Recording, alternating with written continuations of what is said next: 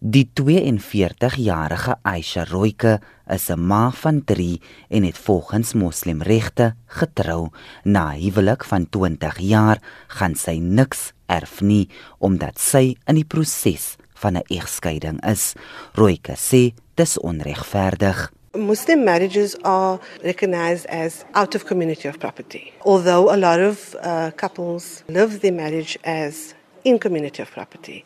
But because there's no legal framework which specifies that, upon dissolution of the marriage, we don't have the rights to claim automatically in community of property. Regter Shiraz de Sai het die regering beveel om wetgewing in werking te stel om vroue soos Roike se regte te beskerm. It is declared that the president and the cabinet have failed to fulfill their respective constitutional obligations as stipulated in the paragraph above, and such conduct is invalid. The President and Cabinet, together with Parliament, are directed to rectify the failure within 24 months of the date of this order Die vroue regsentrum het aanvanklik die aansoek ingedien.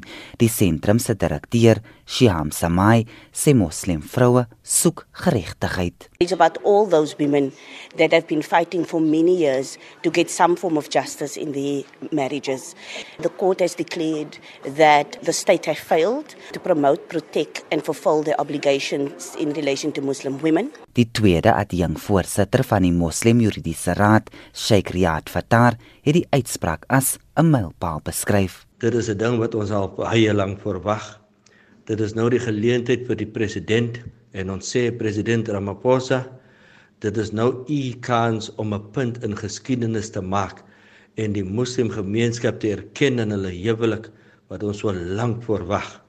En ons wag vir die implementasie wat genoem word die Muslim Marriage Bill. Ons verwag van die regering om hulle grondwetlike verpligting na te kom en die proses te fasiliteer om die wetgewing so gou as moontlik volgens die hoofbevel te implementeer. Maar moslim vroue sal nog vir 2 jaar moet wag vir die samestelling van hierdie wetgewing en selfs langer indien die president besluit om te appeleer. Die verslag van Dandiswa Mau in Kaapstad. Jean Estreisen, SA Ikonis.